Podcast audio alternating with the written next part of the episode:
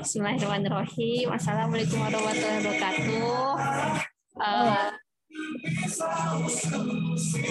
Uh, sebelumnya selamat datang kembali ya podcast uh, selamat datang kembali di podcast ngobrolin tentang hidup buat teman-teman semua gitu ya setelah sekian lama kita nggak podcast lagi dan akhirnya saat ini kita bisa podcast lagi dengan salah satu narasumber yang aku rasa luar biasa sih kayak gitu ya dengan tidak sengaja tapi memang skenario Allah ya memang luar biasa gitu ya mempertemukan uh, bisa mempertemukan aku dengan teteh yang satu ini gitu ya yang memang dari dulu tuh memang uh, sedikit cerita sama teteh ini tuh dari dulu memang udah agak kenal tuh dari berapa tahun yang lalu ya satu atau dua tahun yang lalu gitu ya tahu gitu ya. Cuman ternyata uh, saat ini bisa ngobrol langsung tuh rasanya masya Allah kayak gitu. Nah langsung aja uh, kita nanti bakal ngobrol-ngobrol sama Teh Fitri. Halo Teh Fitri.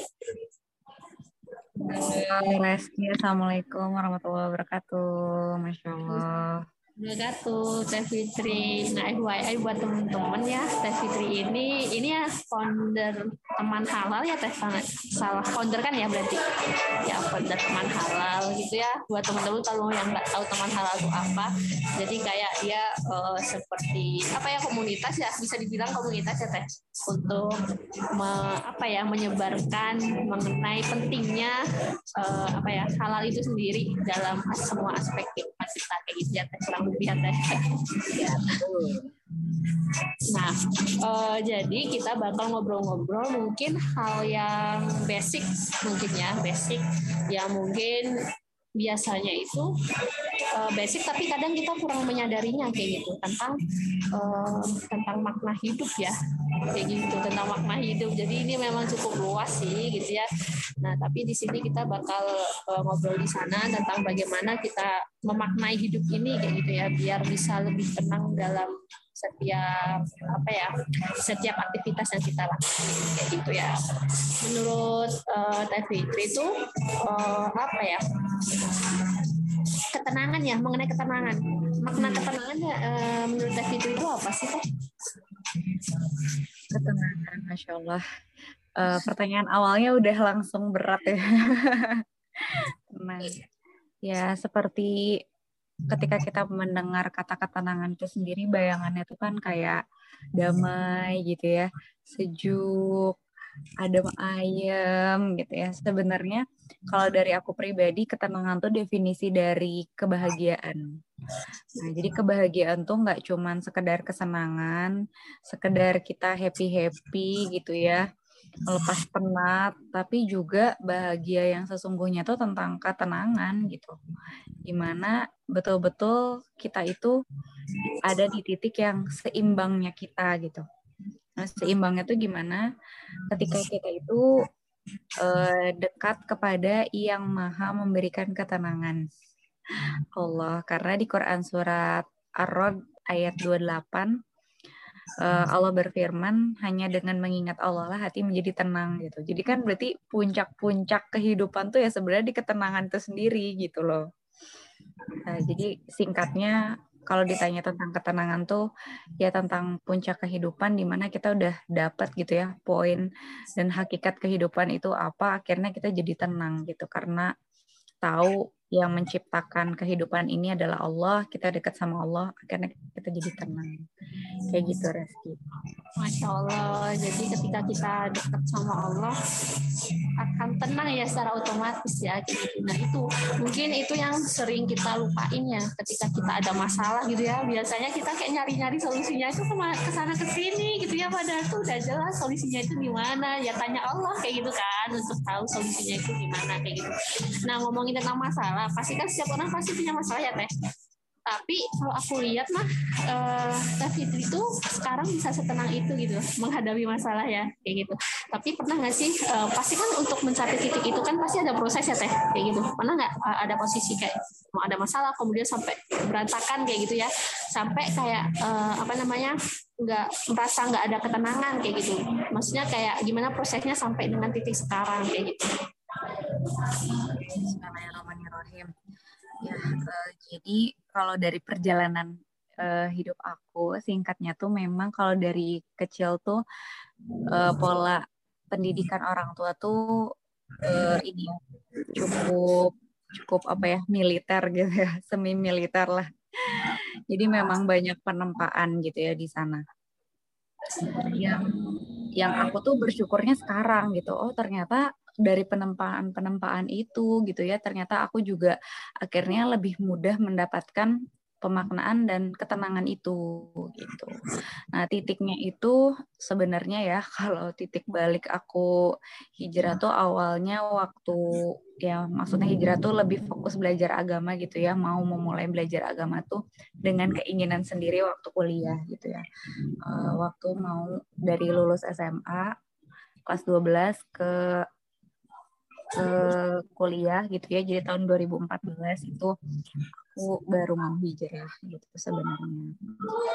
Tapi kalau ditanya tentang pemaknaan kehidupan tuh kapan gitu ya titik baliknya akhirnya aku uh, mulai lebih ngeh lagi tentang hakikat dari kehidupan itu waktu pandemi sih waktu menjelang pandemi sejujurnya di kan pandemi itu 2020 ya nah 2019 tuh Allah titipin uh, episode ke dalam kehidupan aku yang kayaknya tuh semua yang aku suka, semua yang aku benar-benar apa ya sayang banget, senang banget itu Allah cabut satu-satu di tahun yang sama gitu.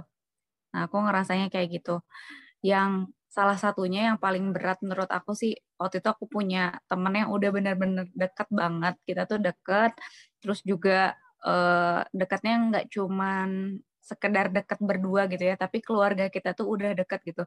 Jadi orang tuanya tuh udah nganggap aku sebagai anak, terus juga sebaliknya gitu ya, orang tua aku tuh udah nganggap sahabat aku ini tuh uh, juga anak-anaknya gitu. Teman aku ini namanya Natia Dini Astuti, semoga Allah berkahi kehidupan beliau. Uh, dan dia tinggalnya di Sukabumi aslinya gitu ya, tapi kuliahnya bareng sama aku gitu. Dan udah sedekat itu karena kita punya mimpi bareng uh, setelah lulus juga nanti masih di sini benar-benar berkegiatan bareng dan lain-lain.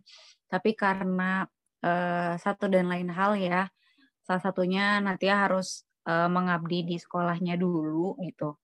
Sekolah yang uh, SMA-nya dulu jadi guru di sana akhirnya harus kembali ke Sukabumi. Bagi aku itu langsung titik balik yang gitu ya itu salah satunya ya soalnya ada beberapa uh, yang tadi aku senang aku suka banget aku benar-benar apa ya kayak tergantung banget kali ya sama hal tersebut. Di tahun itu tuh di 2019 tuh kayak dicabutin sama Allah itu satu-satu ya. Salah satunya dinamika di teman halal sendiri gitu. Squad-squad aku yang awal gitu ya kita aku harus melepas itu gitu di 2019 itu. Nah, momentumnya Ramadan nih. Nah, teman-teman karena Ramadan udah mau deket ya, yang nyimak ini teman-teman bisa banget pakai momentum Ramadannya biar bisa tadi ya dapetin titik balik dan akhirnya bisa nyampe ke puncak gitu ya, puncak kehidupan itu ketenangan itu sendiri. Jadi waktu itu aku benar-benar uh, apa ya nangis gitu ya di satu malam kan yang namanya Ramadan banyak itikafnya ya aku itikaf di Darut Tauhid Masjid DT. Atau kenapa kalau DT itu uh, punya apa ya gaya tarik tersendiri gitu kalau untuk aku untuk ngomongin tentang hati, manajemen kolbu. Aku udah pernah coba turun masjid di Bandung gitu ya. Tapi tetap aja uh, paling tenang tuh rasanya kayaknya di DT karena mungkin dulu banyak belajar dari sana gitu ya tentang hati. Nah, suatu malam aku benar-benar nangis ke Allah gitu ya. Yang tadi kan pertanyaannya Reski, pernah nggak sih yang benar-benar hancur gitu ya? yang berantakan gitu. Nah, itu aku ngerasain momennya di 2019. Benar-benar yang, ya Allah aku tuh udah nggak tahu lagi nih tuh harus kayak gimana gitu ya. Kok bertubi-tubi ya gitu. Kejadian satu tuh nyambung lagi sama kejadian yang selanjutnya, nyambung lagi sama kejadian selanjutnya gitu. Dan makin kerasa aku tuh nggak punya apa-apa ya kayak gitu. Uh, ya Allah maksud engkau tuh apa sih gitu ya. Aku tuh bertanya-tanya gitu saat itu ke Allah. Bener-bener senangis itulah ya uh, di malam itu aku ingat banget. Nah, ternyata setelah selesai itikaf gitu ya banyak doa ke Allah. Nah, udah gitu paginya setelah sahur, setelah sholat subuh, itu ternyata ada kajian uh, singkat gitu dari Aagim sama ada namanya Babe Haikal Hasan, pasti tahu juga ya. Uh, Babe Haikal Hasan yang Betawi banget ya, masya Allah gitu. Kalau beliau tuh apa ya suka bercanda gitu orangnya tuh ya, lucu banget. Nah ternyata Allah tuh kayak langsung jawab lewat kajian paginya itu dan kayaknya kajiannya masih bisa diakses di YouTube deh. Soalnya beberapa kali aku pernah uh, rekomen juga ke teman-teman buat nyimak itu gitu kajian Agim dan Ustadz Haikal Hasan. Nah itu ada terus pokoknya ada thumbnail-thumbnailnya tuh yang kajian terkocak, terlucu pokoknya gitu-gitu lah. Jadi kayak langsung dihibur gitu ya sama Allah. Tapi dari kelucuan bahasannya itu ada banyak hal yang sangat-sangat mendalam gitu. Salah satunya makna kehidupan tentang uh, ya Agim itu cerita gitu ya tentang titik terendah hidupnya gitu dan aku ikut merasakan karena uh, orang tua aku dua-duanya santri DT gitu ya dulu ketemu juga di DT jadi uh, waktu itu Agim cerita gitu ya kalau misalnya uh, Allah tuh uji dengan dunia gitu. popularitas di puncak-puncaknya banget ya dari Daru Tauhid itu berubah kata gitu ya jadi Daru Duit gitu ya saking banyaknya banget gitu uang di saat itu karena ya tadi ya lagi di puncak popularitasnya gitu. Ternyata waktu beliau melaksanakan ini ya ibadah poligami ternyata wah langsung ibu-ibu ya oh, langsung bereaksi. Pasti sih juga pada tahu ya kalau mungkin yang nyimaknya eh, 20-an 20 tahunan berarti masih kecil banget kali ya ya itu momen yang benar-benar langsung jungkir balik banget gitu ya dari tauhid yang tadinya di puncak popularitasnya terus langsung benar-benar sepi. Nah, aku kan orang gerlong gitu ya, orang gitu. Aku ngerasain banget sepinya tuh benar-benar sepi banget gitu ya. Jarang ada orang, paling ada tuh dari infotainment dan lain-lain tuh banyak wartawan-wartawan gitu ya yang suka ke sana. Terus Agim tuh e, menyampaikan salah satu pesan dari gurunya dan aku ngerasa itu salah satu yang jadi penguat juga sampai dengan detik ini. Katanya tuh gini, hmm, kalau kamu mau mengetahui, mau merasakan saripati kehidupan katanya itu ya atau hakikat-hakikat kehidupan, ya prosesnya tuh kayak kelapa katanya tuh ya. Kelapa tuh untuk dapat santannya, sari-sari uh, kelapa itu kan harus jatuh dulu dari atas tuh gitu ya ke bawah. Terus dari situ apa di dibersihin dulu gitu kan dari serabut-serabutnya pakai kapak, pakai golok gitu kan. Udah gitu diparut gitu ya. Habis diparut dipers gitu kan. Nah baru dapat santannya gitu. Sari pati kehidupan tuh kayak gitu juga. Memang harus ada dinamika dinamika ada penempaan penempaan yang nggak enak nggak enak banget gitu. Nah, kalau teman-teman sekarang lagi ada di titik itu bersyukurlah insya Allah berarti pertolongan Allah tuh maha dekat gitu. Bentar lagi gitu, pertolongan Allah tuh. Nah aku ngerasain itu sih titik baliknya. Terus oh gitu ya bener sih gitu ya. Terus kalau kata Agim tuh kalau misalnya kita udah lulus dari satu ujian nanti ketika Allah uji lagi dengan hal yang sama itu tuh udah nggak ada rasanya katanya tuh. Oh gitu ya? Nah jadi waktu itu kan ujiannya ujian harta ujian popularitas gitu ya. Nah mungkin kalau kita ada dapat prestasi dapat pujian dan lain-lain kan kayak enak banget ya. Wah gue gitu ya udah sampai di titik ini gitu. Nah, tapi ketika kita udah diuji sama hal yang berat itu jadi nggak ada rasanya lagi. Karena udah tahu hakikat kehidupan. Malah orang-orang berilmu tuh gak mau dipuji gitu ya. Karena dalam kata pujian tuh ada ujian.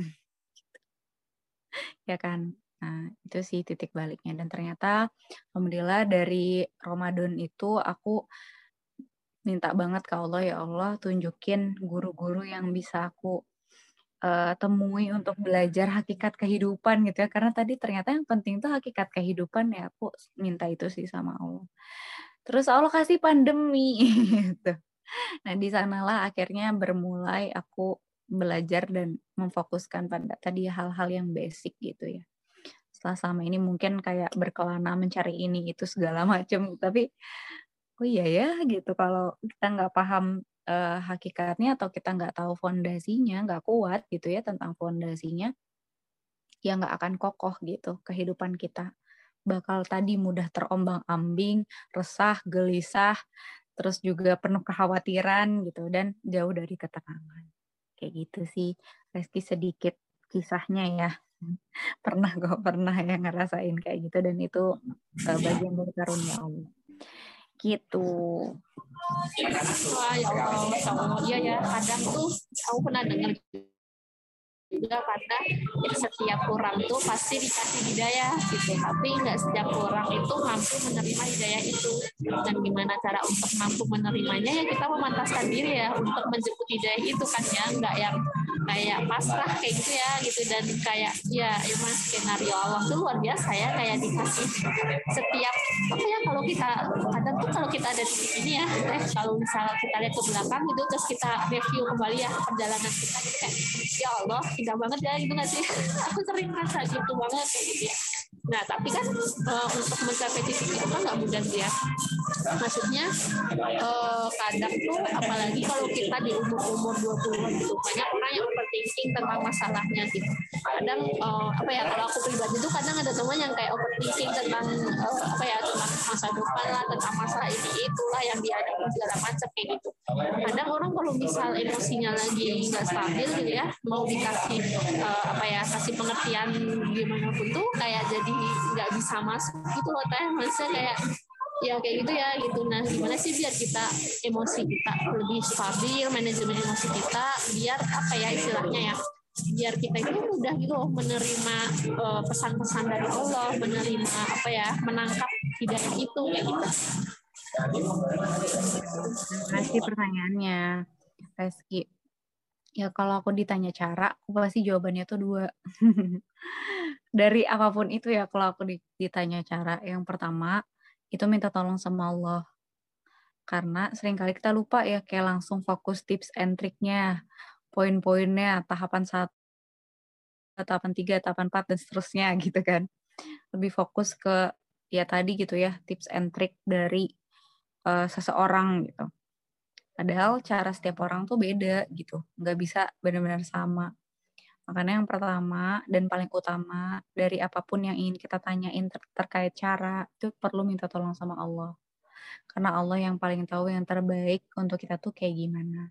Jadi minta ke Allah gitu ya, minta ditunjukin, minta dibimbing, jalannya jalan mana, terus gimana caranya gitu ya. Betul-betul kita minta ke Allah. Yang kedua, itu baru kita ikhtiarkan jemput pertolongan Allah dengan menuntut ilmu. Nah, jadi kita tuh perlu gitu ya yang namanya menuntut ilmu. Itu penting banget ya. Bahkan para ulama tuh menyampaikan bahwa eh, kebutuhan kita akan ilmu itu melebihi kebutuhan kita akan makanan. Gitu. Kalau makan sehari kita butuh misalnya tiga kali gitu ya, ada yang dua kali atau mungkin butuh sekali gitu ya. Ilmu itu kita butuh 24 jam ya kan? Karena setiap kehidupan kita itu sangat-sangat berkaitan dengan pengambilan-pengambilan keputusan, ya kan? Kalau kita nggak ada ilmunya, sangat-sangat besar peluang kita mengambil keputusan yang salah, gitu.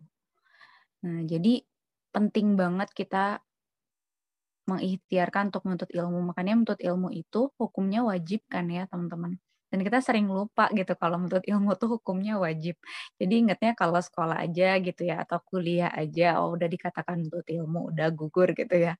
Enggak teman-teman, udah lulus pun tetap harus menuntut ilmu ya karena menuntut ilmu itu hukumnya wajib. Jadi dua sih caranya itu tadi mengelola emosi dan segala macam. Pertama minta tolong ke Allah, kedua eh, cari eh, jemput pertolongan Allah dengan ilmu gitu. Nah, untuk kita memiliki ilmu itu perlu guru. Nah, jadi cari gurunya, gitu. Dikit cerita dari pengalaman aku gitu ya tadi yang setelah titik balik di 2019 itu sebenarnya di kehidupan kita banyak kan titik balik titik baliknya gitu. Nah tapi yang menurut aku paling paling jadi titik balik itu ya di 2019 itu gitu. Ketika aku benar-benar ya kayak Allah tuh cabut gitu ya semuanya dari aku biar apa gitu ya Allah tuh cemburu gitu ya saat itu tuh Allah cemburu ketika kita udah mulai bergantung sama orang gitu ya bergantung sama sesuatu gitu Allah tuh cabut itu semua. Allah pengen bersihin itu semua dari kita gitu. Makanya ya sakit gitu. Kemelekatan ya. Kalau kata Agim tuh semakin melekat maka semakin sakit gitu. Jadi kalau kita ngerasa sakit karena sesuatu kecewa atau ya eh, sama orang gitu ya, sakit hati dan lain-lain, ya itu pertanda kita udah melekat gitu sama eh, orang tersebut atau benda tersebut atau segala macam ya. Karena ya ibaratnya tuh kertas sama perangko gitu loh. Nah, kalau perangko dicabut kan saking nempelnya tuh rusak ya kertasnya. Ya kayak gitu gitu hati kita. Kalau hati kita udah melekat sama suatu, ya makanya ketika hal tersebut dicabut bakal sakit gitu, bakal rusak gitu. Karena harusnya kayak sticky notes aja. Tekan sticky notes ya nempel sih nempel gitu. Tapi kan pas dicabut aman-aman aja ya gitu. Dan bisa ditempelin lagi. Harusnya kayak gitu. Kalau kita benar-benar paham bahwa hakikat dunia ini kan cuma titipan ya semuanya. Bahkan jasad kita ini pun titipan, nggak ada yang benar-benar punya kita gitu. Kok sedih, kok kecewa gitu. Ya. Jadi setelah ya dari situ akhirnya benar-benar Allah bukain jalan-jalannya eh, Allah pertemukan dengan guru-guru gitu ya satu persatu gitu yang paling apa ya yang paling nggak terduga-duga gitu cara caranya Nah, terus ada salah satu guru aku tuh yang masya Allah gitu ya, waktu bertemu di salah satu acara dan itu nggak diduga banget. Beliau tuh pas kenalan gitu, beliau langsung kayak amazed gitu ya. Ah namanya Fitri, masya Allah gitu ya. Hah, biasanya kalau kenalan kayaknya biasa aja gitu ya. Eh, nggak pernah ada yang, lagian mungkin Fitri termasuk nama yang pasaran gitu. Sampai dijadiin sinetron gitu. Ya banyak gitu ya uh, yang namanya Fitri itu tapi masya Allah ya Allah pertemukan aku dengan seorang guru yang membuat aku lebih sadar tentang amanah nama gitu. Dia tuh bilang kayak gini ya Allah namanya Fitri berarti insya Allah Allah karuniakan fitrah ya gitu ya untuk menjaga fitrahnya mengajak orang lain untuk mengajak uh, kembali kepada fitrahnya. Di situ aku ngerasa jelek banget sih Jadi pas perkenalan terjelek yang pernah aku rasain tuh ya itu sama salah satu guruku itu. Semoga Allah berkahi kehidupan beliau. Masya Allah banget. Karena ya Allah gitu ya. Iya juga kok nggak pernah ngerti sama nama sendiri. Iya sih tahu artinya gitu. Tapi seberapa maknai nama sendiri gitu. Kadang kan orang saking nggak memaknai nama sendiri, namanya apa, panggilannya apa gitu ya. Panggilannya tuh yang udah aneh-aneh gitu kan. Malah kan nama doa gitu ya itu tuh wah masya Allah banget gitu kalau kita bisa maknai. Dan guru aku tuh bilang gitu bisa jadi amanah kita atau peran kita di kehidupan ini tuh yang tadi mungkin ya masih bingung-bingung masa depan gitu ya e, gimana atau bahasanya kan quarter life crisis dan lain-lain. Sebenarnya bisa jadi jawabannya tuh ada di nama kita loh gitu. Guru aku tuh bilang kayak gitu ada di nama kita. Nah akhirnya di situ aku memaknai nama aku ya Fitri Nur Afifah. Duh berat banget sebenarnya pasti maknain tuh ya. Fitri artinya ya fitrah gitu ya uh, suci Kemudian berarti kan uh, sesuai dengan apa yang Allah gariskan gitu karena setiap manusia lahir pada dengan fitrahnya gitu kan. Terus nur itu cahaya. Uh, kalau di Al-Qur'an bahasan cahaya itu tentang petunjuk, tentang ilmu ah dan segala macamnya ya. Karena kalau nggak ada ilmu, nggak ada petunjuk ya gelap uh, susah menjalani sesuatu dengan dalam kegelapan ya. Uh, dan yang ketiga afifah, afifah itu kemuliaan gitu ya. Afaf dari afaf kemuliaan dan kita tuh cuma bisa dapat kemuliaan karena terhindar dari sesuatu yang Allah nggak sukai gitu. Jadi berat banget ya nama aku gitu pas dimaknain gitu ya di situ. Nah, terus aku akhirnya doa lagi. Nah, doa ke Allah, minta ke Allah itu tadi cara pertama ya. Cara pertama itu jadi lebih spesifik lagi. Kalau kita udah dapat petunjuk dari Allah, ya dapat clue gitu ya. Kan clue tuh banyak tadi. Nah, coba digali lagi gitu, minta lagi ke Allah lebih spesifik. Nah, akhirnya aku minta, ya Allah, aku mau belajar tentang fitrah ya Allah. Aku nggak ngerti fitrah tuh gimana karena aku jujur gitu ya saat itu kayaknya aku jauh banget dari fitrah gitu ya karena kalau dari pribadian aku sendiri kayaknya aku tomboy banget gitu dulu tuh orang yang sangat-sangat cuek gitu ya jadi uh, gimana ya kayaknya nggak perempuan banget gitu tapi namanya Fitri ya Allah itu berat banget untuk aku pribadi gitu kan. Jadi akhirnya spesifik minta ke Allah ya Allah tunjukin siapa ya guru yang bisa aku uh, apa ya belajar ilmu engkau darinya gitu ya terkait fitrah gitu. Ah sama Allah dibukain lagi gitu ya petunjuknya tuh. Ternyata yang selama ini aku ingin belajar sama beliau gitu ya salah satunya Ustadz Adriano Ruspi pasti pada tahu juga sih ini sebagian besar yang nyimak. Ya dulu tuh aku pernah uh, pas awal jadi mahasiswa baru terus ikut SSC Salman Spiritual Camp tuh nangis banget ya pertama kali aku ketemu beliau terus aku pernah doa sama Allah ya pengen berguru sama beliau gitu di awal. Cuman waktu itu emang nggak mungkin ya. Maksudnya nggak mungkin tuh ngelihat jadwal beliau yang padat, terus juga banyak keluar kota dan lain-lain gitu ya. Kayaknya untuk bisa intens sama beliau tuh hanya di beberapa kesempatan aja gitu ya. SSC, LMD waktu itu ya masih sama beliau. Kalau ada acara beliau, aku buru banget gitu ya. Setelah, oh ada jadwal beliau sini, langsung gitu ya diikhtiarin. Nah tapi Masya Allah berkah pandemi gitu ya, acara online beliau tuh banyak ya. Dan banyak juga yang mengundang beliau terus menyiarkan di YouTube gitu. Jadi aku tuh banyak belajar, ya udah cari aja Ustadz Adriano Rusfi. Wah banyak banget kan di YouTube aku simak-simak. Kalau ada cara aku simak gitu ya. Termasuk akhirnya aku kenal sama Akil Balik Community gitu. Di sana bahas tentang Akil Balik, bahas tentang fitrah gitu ya dan spesifiknya waktu itu aku ikut TGGH The Girl Legal Home gitu. Yang di situ aku belajar tentang perempuan gitu yang ya Allah sama ini ternyata aku gitu ya. Kayak udah jauh banget gitu dari dari fitrah itu gitu. Jadi dikasih petunjuk dikasih jalan lagi gitu kan. Kasih petunjuk lagi dikasih jalan lagi Kayak gitu teman-teman. Jadi tentang tadi bab pengelolaan emosi gitu ya, mengenal hati, mengenal diri, aku dapetin di sana semua gitu yang hakikat-hakikat kehidupan. Yang akhirnya tadi gitu ya, kena kenapa aku akhirnya dapat poin ketenangan yang mahal itu gitu ya. Karena udah kenal diri yang akhirnya enggak uh, apa yang enggak semua itu harus informasi itu harus kita telan gitu. Apa sih bahasanya sekarang FOMO gitu kan katanya ya. Jadi kalau dapat uh, kalau nggak tahu satu informasi itu kayak kudet banget gitu ya. Kalau aku sekarang malah banyak yang nggak aku tahu gitu. Hah, apa sih itu gitu kayak aku kudet banget tapi aku nggak nggak kenapa-napa gitu karena aku sangat-sangat memfilter apa yang informasi yang masuk gitu yang aku butuhkan aja gitu karena tadi udah kenal diri dan akhirnya tenang gitu loh Alhamdulillah tenang, emosi itu terkelola gitu ya. Semakin kita paham hakikat, semakin tenang gitu insya Allah. Terakhir dari aku, uh, dari Ustadz Atu disampaikan tentang uh, apa ya tahapan ilmu gitu. Jadi yang kayak ada segitiga gitu. Yang pertama tuh filosofis yang paling atas ya segitiganya tuh filosofis. Yang segitiga yang kedua, maksudnya yang dibagi tiga tuh yang di keduanya tuh tentang konseptual. Terus yang ketiganya operasional gitu ya. Kalau kita lihat luas segitiganya paling luas atau paling lebar tuh yang paling bawah kan tadi ya uh, filosofis, konseptual, operasional. Nah, kalau kita bicara di operasional atau tentang cara tadi ya, how to, gimana caranya ini, gimana caranya itu, itu bakal banyak banget jawabannya. Nah, Reski tanya ke aku, sama Reski tanya ke yang lain, itu pasti beda-beda jawabannya gitu. Nah, jadi sering kali kalau kita langsung belajar ke cara, itu Nah, kita nyari gimana cara ikhlas. Terus kita minta dari 10 guru kita, kita minta nasihat gitu. Itu mungkin bisa beda-beda semua tahapannya gitu kan. Gimana caranya ikhlas gitu.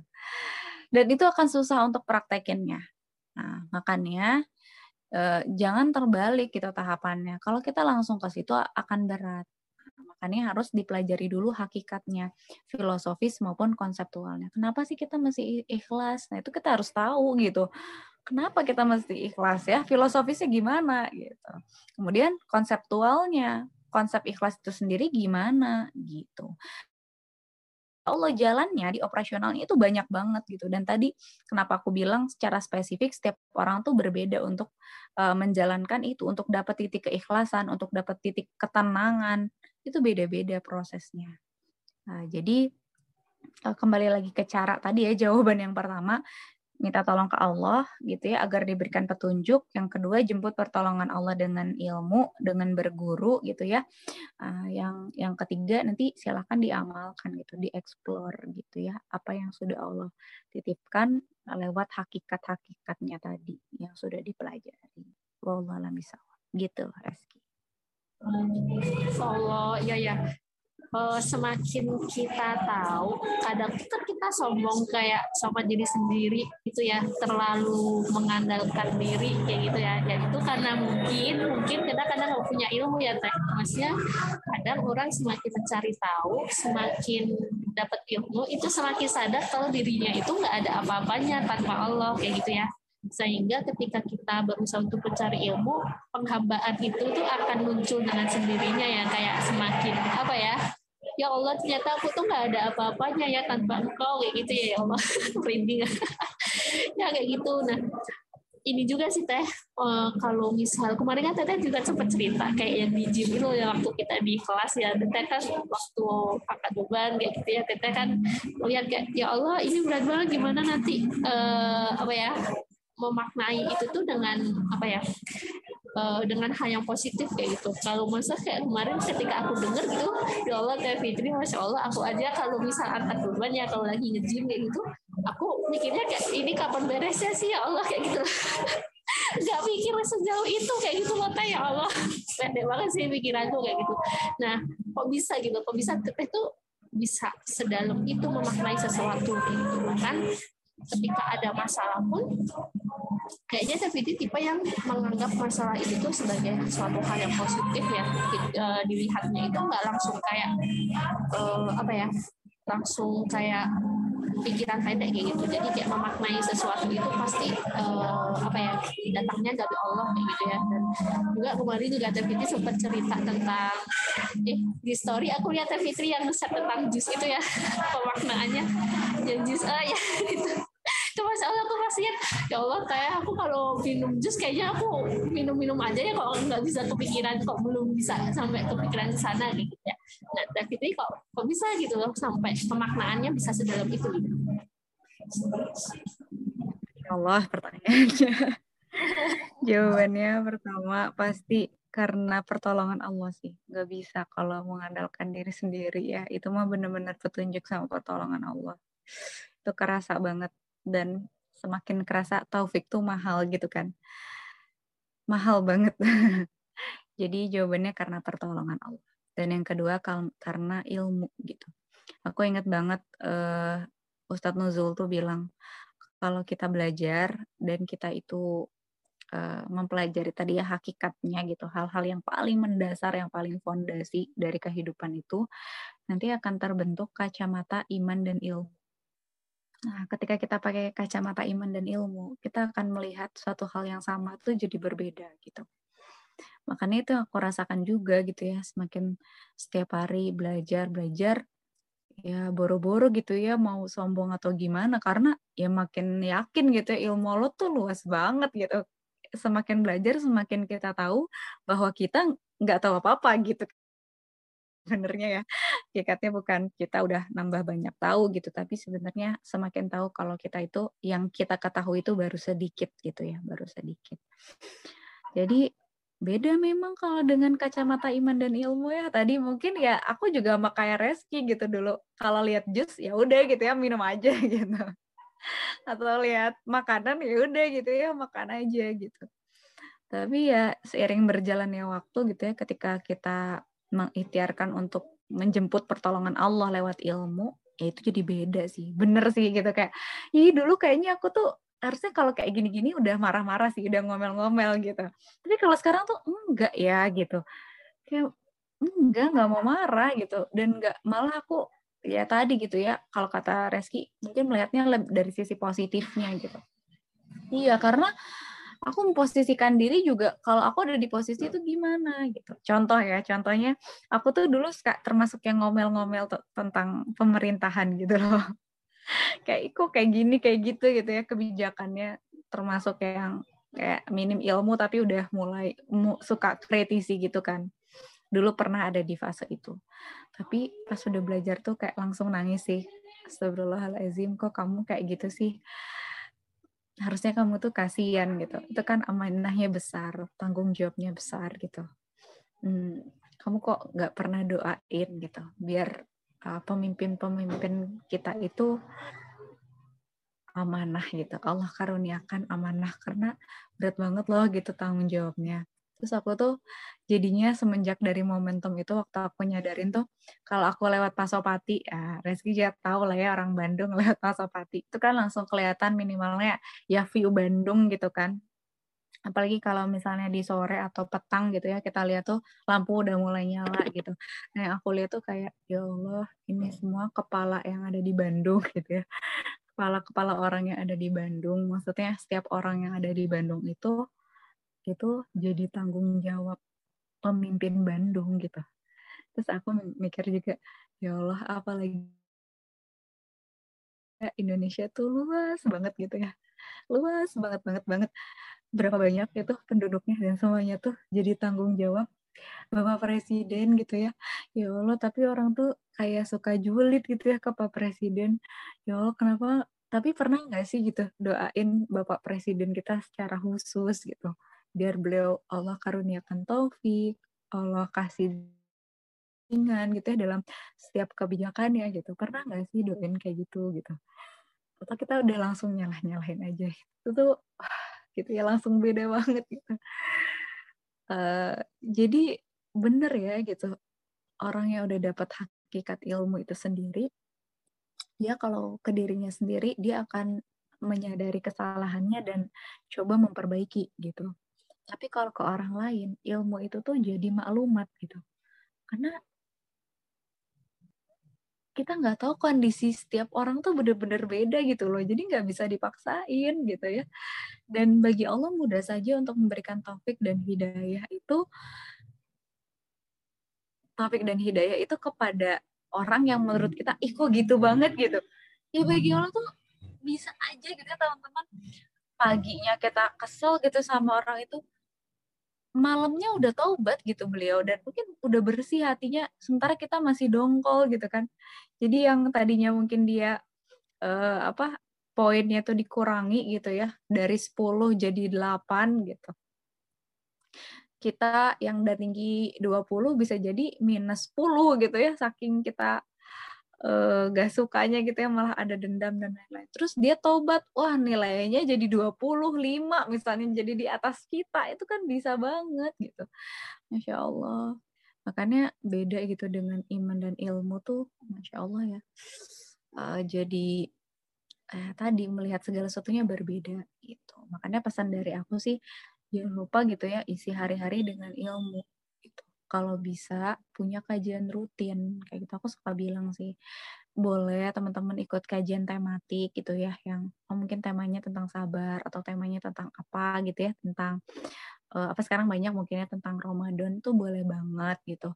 Tapi kalau bisa teman-teman tuh ada buku yang dikaji dengan uh, khusus gitu yang itu tuh bab satu sama bab selanjutnya itu benar-benar nyambung berkaitan satu sama lain gitu. Dan aku ngerasa ya titik balik akhirnya aku ya mulai gitu ya kacamata iman dan ilmu meskipun mungkin belum seberapa ya masih dengan banyak terbatasnya gitu ya masih sangat-sangat terbatas.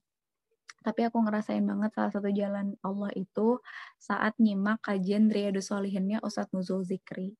Insya Allah semoga Allah uh, berkahi kehidupan beliau dan guru-guru beliau. Ya, kayak gitu selain Ustadz Taat ya, tuh aku nyimak kajian dari Solihin tuh yang sekarang tuh udah udah episode ke seribu, seribu. ya udah seribu lebih gitu ya sekarang tuh, masya Allah gitu. Jadi aku juga sebenarnya belum full seribu sih aku juga uh, masih bolong di tengah-tengah jadi waktu itu nyimaknya dari awal tapi udah uh, apa udah berjalan gitu. Tapi ternyata lebih utama nyimak yang saat live gitu katanya tuh ya. Yang live jadi aku coba nyimak yang live. Nah udah live nanti aku kejar yang uh, ketinggalan aku yang dari episode satu itu. Masalah baru sampai episode eh episode sampai bab 16 ya. Nah, sementara yang lagi dibahas sekarang tuh bab 40 gitu. Jadi lumayan sih jaraknya sebenarnya. Tapi ya yang penting kan kita mengikhtiarkan ya, bukan kita udah berapa episode gitu. Kalau satu episode tapi kita penuh dengan pemaknaan dan ikhlas karena Allah itu lebih disukai sama Allah ya dibandingkan kita udah seribu episode malah sombong gitu ya. Udah seribu episode loh. Enggak ya gitu. Itu sih um, mungkin dari aku Reski ya. Pertama karena pertolongan Allah, kedua karena ya tadi dengan mengikhtiarkan menuntut ilmu dan punya guru Insya Allah nanti pandangan kita terkait sesuatu tuh jadi berbeda. Allah bisa Insya Allah gitu ya. Memang sih kita terlalu fokus ya teh. Kadang tuh untuk menuntut ilmu dunia ini ya.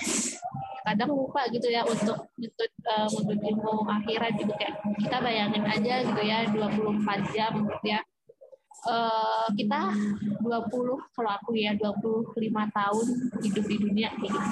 Berapa ilmu agama yang udah uh, aku punya misal kayak gitu ya kayak dikit banget. Bahkan kayak pikir-pikir yang um, mereka ilmu-ilmu dan basic yang harusnya kita udah tahu. Misal kayak fikih ketika sholat atau puasa atau ketika uh, apa ya tentang hadas kayak gitu gitu itu kadang masih kayak ketika dapat kutajian tuh masih kayak oh ternyata gitu.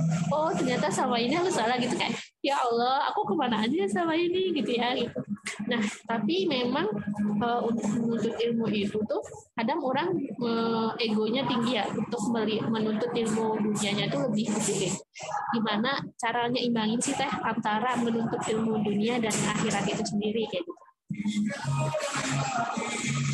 Bismillahirrahmanirrahim. Nah, ini sebenarnya suka ada di masyarakat kayak memisahkan antara dunia dan akhirat. ilmu dunia ilmu akhirat. Sebenarnya nggak ada ilmu dunia ilmu akhirat gitu loh.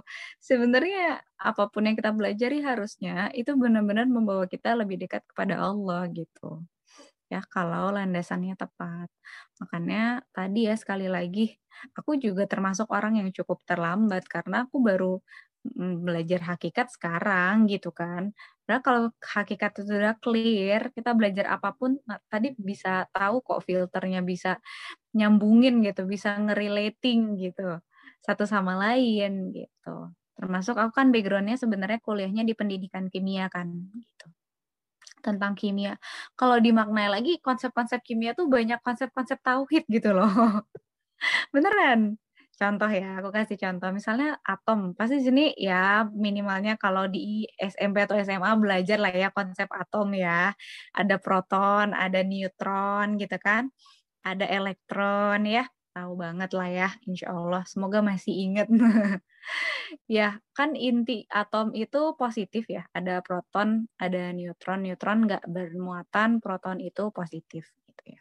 Nah, dikelilingi sama elektron-elektron ya ada elektron-elektron. Nah, eh, elektron yang paling kuat tuh kan elektron tuh muatannya negatif ya. Tapi ketika bertemu yang positif tuh dia jadi uh, netral gitu ya. Jadi ya jadi uh, apa? Jadi stabil kayak gitu. Dan elektron yang paling kuat itu adalah elektron yang perputarannya tuh nanti gitu. Ya. Tapi semakin jauh uh, elektron itu ya dari intinya dia akan mudah untuk lepas gitu ya mudah untuk lepas dan terionisasi lah dan seterusnya gitu ya bahasanya. Cuman poinnya yang bisa dimaknai apa sih dari itu dari konsep atom itu ya? Jadi teman-teman kalau kita mau tenang nih ini nyambung sama bahasan kita yang pertama lagi ya. Yang tentang ketenangan tentang uh, tadi ya uh, apa puncak kehidupan gitu. Kalau kita pengen tenang, eh pengen selalu positif gitu kan tadi ya kalau bahasanya Reski selalu positif dalam melihat atau menanggapi merespon sesuatu, ya kita harus deket sama inti gitu loh. ya kan? Ya intinya tuh positif. Uh, dan kalau kita maknai lagi dan pertanyakan lagi inti dari segala inti itu apa sih? Allah gitu kan inti dari segala inti itu Allah. Jadi semakin kita mendekat ke Allah tuh insya Allah kita akan semakin tenang. Gitu. Tadi Quran Surat Ar-Rod ayat 28. Itu dari kimia Allah. Dari belajar atom bisa kayak gitu pemaknaannya. Iya kan? Jadi nggak ada ilmu dunia, ilmu akhirat gitu ya sebenarnya teman-teman. Adanya mungkin ilmu syariat ya sama ilmu muamalah. Muamalah tuh ya yang kehidupan sehari-hari gitu ya. Syariat yang memang spesifik terkait e, ibadah gitu. Karena kan hukum dasar muamalah atau ya kehidupan sehari-hari itu boleh ya. Boleh, semuanya boleh. Sampai ada hukum yang melarangnya. Itu muamalah, hukum dasarnya ya. Tapi kalau ibadah sebaliknya hukum dasar ibadah tuh haram ya nggak boleh gitu sampai ada yang memerintahkannya kayak gitu jadi kalau kita paham konsepnya sih ya gampang aja gitu kan toh kita belajar muamalah hal-hal yang sehari-hari juga tujuannya untuk menguatkan keyakinan kita dan akhirnya kita bisa maksimal dalam ibadah gitu. Jadi jangan diseparasi gitu sebenarnya ya. Enggak kok. Kalau kita paham dasarnya, insya Allah itu relate banget gitu satu sama lain tuh ya. Ada sebuah kesinambungan gitu ya. Ada sebuah kaitan yang holistik gitu ya, menyeluruh gitu satu sama lain. Dan itu siapa yang menghubungkan Allah. Makanya setiap habis belajar gitu ya, kemudian ya aku tadabur. Kadang kita tuh tadabur satu ayat, oke kita udah paham nih, ini dalam banget gitu. Tapi setelah belajar-belajar, itu lebih dalam lagi gitu pas baca ayat itu. Ya enggak? Padahal ayat yang sama. Pernah nggak ngalamin kayak gitu kan? Ya sama gitu. Sebenarnya bisa jadi kita masih memisahkan gitu ya antara dunia sama akhirat itu karena kita belum paham hakikatnya gitu. Ya kan sebenarnya ya ilmu yang kita yang ada di dunia ini juga ilmu Allah gitu. Hanya saja tadi tentang perspektifnya yang perlu kita hati-hati gitu loh. Eh, Dr. Yusuf Kordowi almarhum beliau pernah menyampaikan ada tiga ilmu yang paling bermanfaat katanya tuh ya tiga ilmu yang uh, sangat-sangat bermanfaat untuk kehidupan manusia gitu ya. Tapi di sisi lain, ilmu-ilmu ini juga punya bahaya yang luar biasa, paling berbahaya juga gitu. Dia kayak pisau ya. Pisau kan semakin tajam tuh sebenarnya semakin enak ya kalau buat motong-motong daging, motong sayur gitu kan. Tapi kan di satu sisi juga dia bahaya kalau yang makainya nggak ngerti caranya. Kayak dipakai anak bayi ya itu bisa motong-motong dirinya sendiri gitu ya. Nah, tiga ilmu ini yang pertama ilmu filsafat ya karena dia bahas tentang dasar-dasar landasan wah penting banget ya gitu. Yang kedua ilmu psikologi uh, ngomongin manusia dan kayaknya lagi hype banget ilmu psikologi sekarang ya. Nah, yang ketiga adalah antropologi, ilmu tentang manusia dan kebudayaan katanya. Ini kan kalau kita tadi bahasnya dunia akhirat, oh ini mah dunia banget gitu ya. Tapi Dokter Yusuf Kordawi nggak bilang gitu. Ini ilmu yang sangat bermanfaat ya, utamanya untuk dakwah. Salah satu tugas kita sebagai manusia dakwah gitu ya. Jadi perlu ada ilmu-ilmu penunjang gitu, yang sebenarnya itu dibahas juga dalam syariat Islam. Nah tiga ilmu ini kenapa disebut bisa sangat bermanfaat tapi bisa juga sangat berbahaya gitu ya. Itu sangat-sangat bergantung pada porosnya atau titik pusatnya. Siapa yang menjadi titik pusat pembahasannya? Kalau yang menjadi titik pusat pembahasannya adalah manusia, maka itu akan sangat berbahaya. Kenapa? Ketika kita bicara kemanusiaan tanpa landasan ketauhidan, maka kita akan bicara hak dan kewajiban setiap orang yang itu sangat-sangat berbeda dan itu akan sangat sampang tindih satu sama lain. Ya enggak? Kayak misalnya ya, Reski dengan misalnya lagi emosi banget gitu ya, lagi pengen ngeluarin semuanya, Reski teriak-teriak nih di tempat yang sekarang. Wah wah gitu ya pokoknya teriak-teriak aja gitu. Terus yang lain tuh ngomelin gitu. Kok kamu teriak-teriak sih gitu berisik tahu ganggu gitu kan. Eh hak hak saya loh untuk melakukan apa saja gitu kan. Nah, tapi haknya Reski betul gitu ya. Reski punya hak untuk bisa melakukan apa saja gitu kalau basisnya kemanusiaan ya tapi yang lain juga punya hak untuk hidup tenang. Nah jadi di satu sisi tuh sama-sama punya hak tapi sama-sama punya uh, tadi gitu ya situasi kondisi yang berbeda yang akhirnya bisa tumpang tindih ya kan? Gitu. Jadi kalau landasannya cuman kemanusiaan, ego itu jadi bahaya banget tuh ilmu-ilmu tadi ya. Tapi kalau misalnya landasannya ya fondasi atau titik poros gitu ya, titik tumpuk dari pembahasannya itu ya kayak ya yang mengorbit lah ya. Uh, kalau di semesta itu kan ada yang pada satu titik gitu ya. Bitnya, titik pusatnya, titik porosnya. Kalau titik porosnya itu Allah, maka itu sangat-sangat bermanfaat. Nah, ingat ya hubungan manusia itu hubungan sesama manusia habluminanas itu lebih susah daripada habluminallah gitu kan disebutnya ya. Nah, karena manusia mah beda gitu ya. Kalau Allah mah maha segalanya termasuk maha pemaaf maha pengampun ya. Kita bikin salah aja dimaafin terus gitu ya sama Allah sampai sekarang ya Allah. Kalau sama manusia susah dapetin maafnya ya. Kadang kita udah minta maaf udah ini udah itu gitu ya masih salah. Makanya perlu ilmu gitu untuk itu. Dan akhirnya uh, tadi gitu ya kalau kita nggak ada landasan tauhidnya gitu maka atau titik pusatnya bukan Allah maka nanti jadi berantakan semuanya akan tumpang tindih. Kalau bagaikan planet tuh orbitnya nggak jelas gitu ya muternya porosnya nggak jelas akhirnya tabrakan satu sama lain. Gitu. Makanya penting gitu untuk kita belajar ilmu apa pun yang sekarang sedang dipelajari coba kita pusatkan lagi kepada Allah ya. Syariat-syariatnya kalau di Islam kayak gimana ya konsepnya? Karena Islam tuh udah selengkap itu kok sedetail itu. Nah cuman kita belum tahu gitu kan konsep-konsepnya. Kayak misalnya sekarang banyak banget financial planner financial planner gitu ya. Ya enggak nah, Nah itu tuh harusnya kita paham dulu konsep tentang keuangannya kalau dalam Islam kayak gimana. Gitu. Nggak salah, tapi tadi titik porosnya Allah berarti kita harus lihat dong landasan utamanya adalah Al-Quran dan Sunnah gitu. Jangan kebalik, kita bicara dulu yang lain baru kayak ngerelatin, oh ini di Al-Quran ada gitu, di Sunnah ada gitu. Jadi gitu itu kan kebalik gitu. Harusnya di Al-Qur'annya gimana, sunnahnya gimana, baru kita lihat gitu ya detailnya orang tuh punya teori apa gitu terkait hal itu. Nah, jadi bisa nih kita coba yang sebelum-sebelumnya mungkin terbalik ya cara belajarnya kita perbaiki. Aku pun dulu kayak gitu kok gitu. Tapi sekarang kayak iya Al-Qur'an tuh selengkap itu ya, sunnah tuh selengkap itu ya. Riyadus Shalihin kan isinya cuman itu ya. Perbabnya tuh ayat ayat ayat hadis hadis hadis hadis hadis kayak gitu. Ayat-ayat ayat tentang bab tersebut hadis hadis hadis. Jadi kayak ih lengkap banget ya Allah gitu ya. Kayak nggak perlu lagi teori-teori psikologi gitu atau enggak nggak perlu lagi filsafat filsafat apa gitu ya. Tapi ini tuh udah ih selengkap tuh gitu. Jadi perhatikan sumbernya, paling itu aja. Tapi untuk ilmu dunia akhirat kayaknya sebenarnya jangan dipisahkan gitu ya. Semuanya kita ikhtiarkan hal-hal yang bisa menunjang akhirat.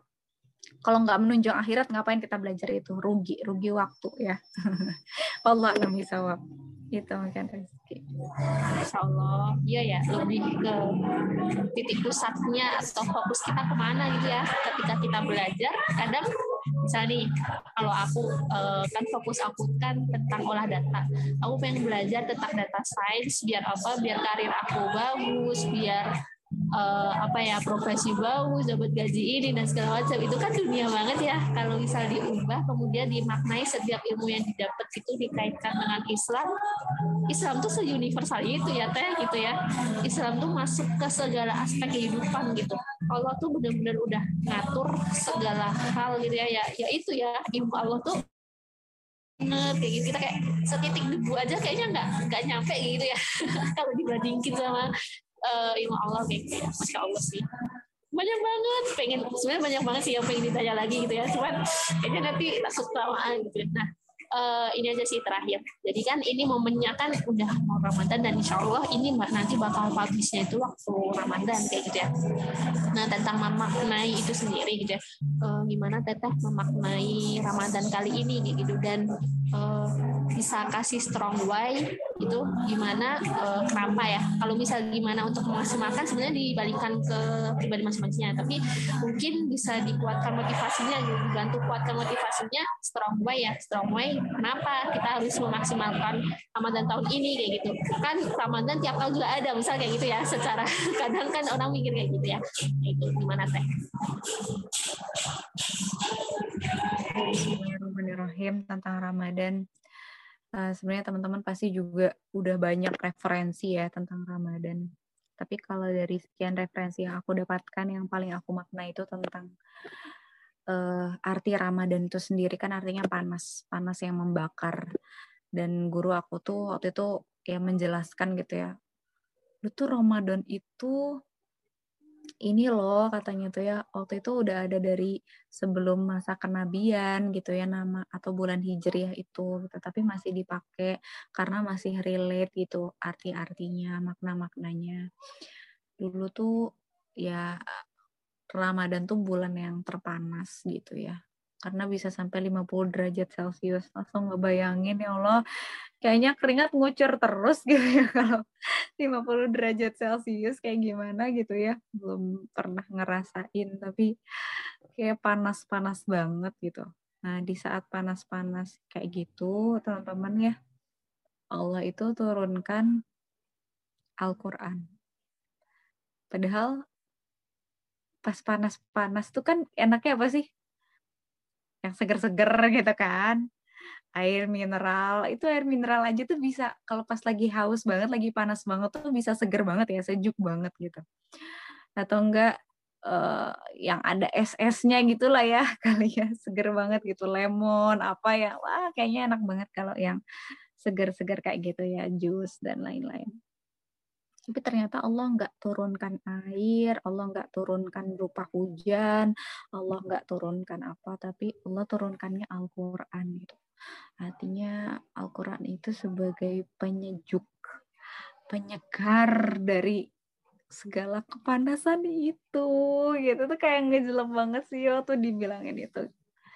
Jadi kan sebelum nah orang-orang kan taunya Ramadan tuh bulan puasa ya ya nggak sih bulan puasa karena kan syariatnya puasa padahal sebelum perintah puasa sebelum syariat puasa itu ada Allah lebih dulu turunkan Al-Quran gitu jadi sebenarnya lebih relate itu Ramadan tuh bulannya Al-Quran bukan bulannya bulan puasa gitu sebenarnya kalau kita itu karena kan syariat puasa pun adanya di dalam Al-Qur'an kayak gitu. Jadi setelah Al-Qur'an itu turun gitu. Jadi bagian dari penyejuk gitu kan dalam kehidupan yang ya panas tadi gitu ya. Itu yang pertama. Jadi kalau aku sih maknanya ya Allah gitu semoga di tahun ini Allah kasih jalan untuk bisa lebih memaknai lagi Al-Qur'an yang benar-benar kayak iya ya kok Al-Qur'an tuh selengkap itu ya gitu kayak aku mana aja ya gitu. ya Allah pengen memaknai yang duh gitu. Kalau bisa barang yang nggak boleh ketinggalan banget tuh harusnya Al-Quran sih gitu. Karena jawabannya tuh sebenarnya ada di sana gitu. Nah harusnya kita ingat gitu ya kalau tentang sabar ayatnya apa gitu ya. Tentang tadi uh, tentang ketenangan ayatnya apa gitu. Nah kita tuh akan ingat kalau kita sering gitu. Jadi aku tuh nggak banget oh kenapa ya Ustadz Adi Hidayat tuh sampai tahu gitu ya letak gitu di pojok kanan bawah gitu kan atau enggak di kiri atas gitu kan kayak hafal banget. Ya karena sering gitu. Aku pun yang belum hafal ayatnya ya teman-teman. Tapi aku ingat bahasannya tentang apa, aku tuh inget posisinya gitu. Ya tadi Arut ayat 28 ya tentang ketenangan. Itu aku ingat di sebelah kiri, terus di sebelum bawah lah, pokoknya di di, uh, di sininya gitu, ingat. Terus ayat tentang misalnya sabar Azumar ayat 10 tuh salah satunya gitu ya. Terus mana lagi, nah itu tuh jadi mulai keinget gitu. Jadi setiap pertanyaan kita tuh jawabannya tuh udah ada di Al-Qur'an gitu loh. Rujukan kita tuh ada di sana gitu Nah, semoga di tahun ini lebih Allah tunjukkan lagi, makin yakin lagi gitu ya sama Al-Quran gitu. Wah, keren ini gitu Al-Quran. Dan kita bangga gitu punya Al-Quran. Jadi nggak dikit-dikit teori barat gitu ya dikit-dikit teori barat gitu. Yang sebenarnya masih harus banyak difilter gitu kan dari sana jadi kalau kita punya Al-Quran, Masya Allah gitu ya, tidak perlu difilter lagi, tinggal kita minta tolong sama Allah agar dibukakan hikmahnya gitu ya, dibersihkan hati kita agar kita bisa nangkep maknanya gitu. Kadang kita belum tahu maknanya aja, hati kita udah geter ya, kalau wah baca gitu ya, terjemah tuh kayak udah, oh, ya Allah begini banget ya gitu. Apalagi kita tahu maknanya gitu. Itu Ramadan yang pertama, yang kedua tentang dosa sih. Jadi Ramadan itu kan tadi panas yang membakar gitu ya. Salah satu maknanya juga Allah tuh kasih Ramadan untuk membakar dosa-dosa kita gitu. Saking sayangnya Allah. Jadi maksimalin ya teman-teman. Kata Allah barang siapa yang uh, berpuasa dan juga sholat malam ya uh, di Ramadan, Allah tuh hapuskan dosa-dosa terdahulu siapa sih di sini teman-teman yang nyimak podcast ini yang gak ada dosanya? Termasuk aku ya yang banyak bicara berarti lebih banyak dosanya nih ya lebih banyak hisapnya nih dibandingkan yang mendengarkan. Semoga Allah tolong dalam hisapnya. Ya siapa yang nggak punya dosa gitu ya? Karena Rasulullah SAW bersabda ya, setiap anak Adam tuh punya dosa punya kesalahan. Dan salah satu bentuk kasih sayang Allah Allah ciptakan Ramadan gitu bulan yang penuh dengan keberkahan untuk bisa meng, dengan panasnya itu menghapuskan dosa-dosa kita yang telah lalu gitu. Dan bayangin gak kita jadi fitri lagi gitu ya, mulai dari nol lagi gitu kayak, ih kok baik banget sih Allah gitu ya. Mana nggak dari nol juga sih karena udah dapet banyak pahala dari sementara dosanya dihapusin gitu kayak surplus banget ya apalagi ada Lailatul Qadar gitu yang itu satu malamnya yang menyamai seribu bulan terus sekitar 83 tahun lebih ya. Kita ibadah cuma satu malam doang tapi bisa. Diolo promonya tuh kalau bahasanya mungkin bisa gila-gilaan gitu ya promo dari Allah tuh gitu. Sekeren itu gitu promo dari Allah. Masa kita nggak maksimalin gitu? Sayang banget teman-teman. Jadi ya kalau dari aku yuk sama-sama kita maksimalin Ramadan ini. Banyak refleksi diri banyak ingat dosa-dosa kita di murojaah lagi ya.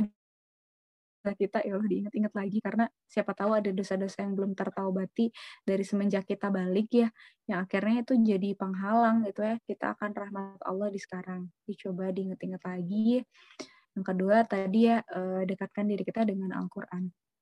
Dengan Al-Quran insya Allah nanti akan terbentuk kacamata iman dan ilmu untuk 11 bulan ke depan. Kita dalam menjalani kehidupan kita Allah bisa itu. Dari aku Reski.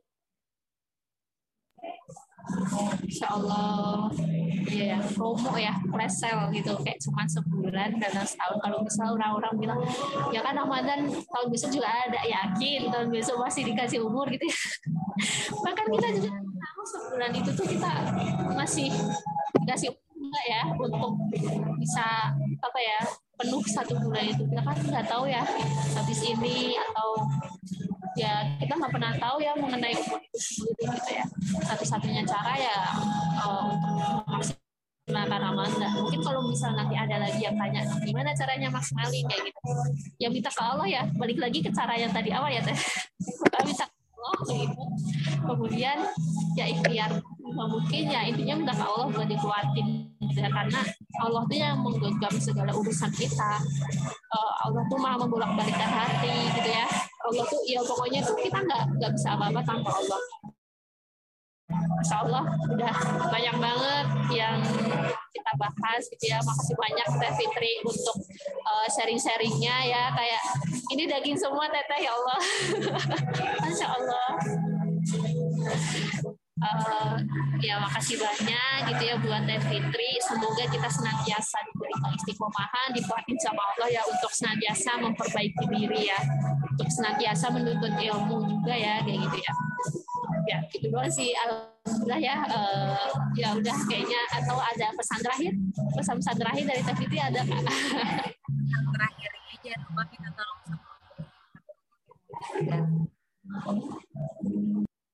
Makasih semuanya, makasih Reski dan teman-teman. Dan Fitri, ya, semoga uh, teman-teman yang mendengarkan podcast ini bisa mengambil manfaatnya, bisa mengambil hikmahnya, ya, karena segala sesuatu kan memang dari Allah untuk menggerakkan teman-teman mendengarkan podcast ini untuk mendapatkan hikmahnya itu kan juga sebenarnya dari Allah. Sekian kalau misal kita ada salah-salah kata mohon dimaafkan dan mohon maaf juga Teh Fitri kalau misal aku ada salah-salah kata. Terima kasih. Assalamualaikum warahmatullahi wabarakatuh. Waalaikumsalam warahmatullahi wabarakatuh. Sampai jumpa kembali.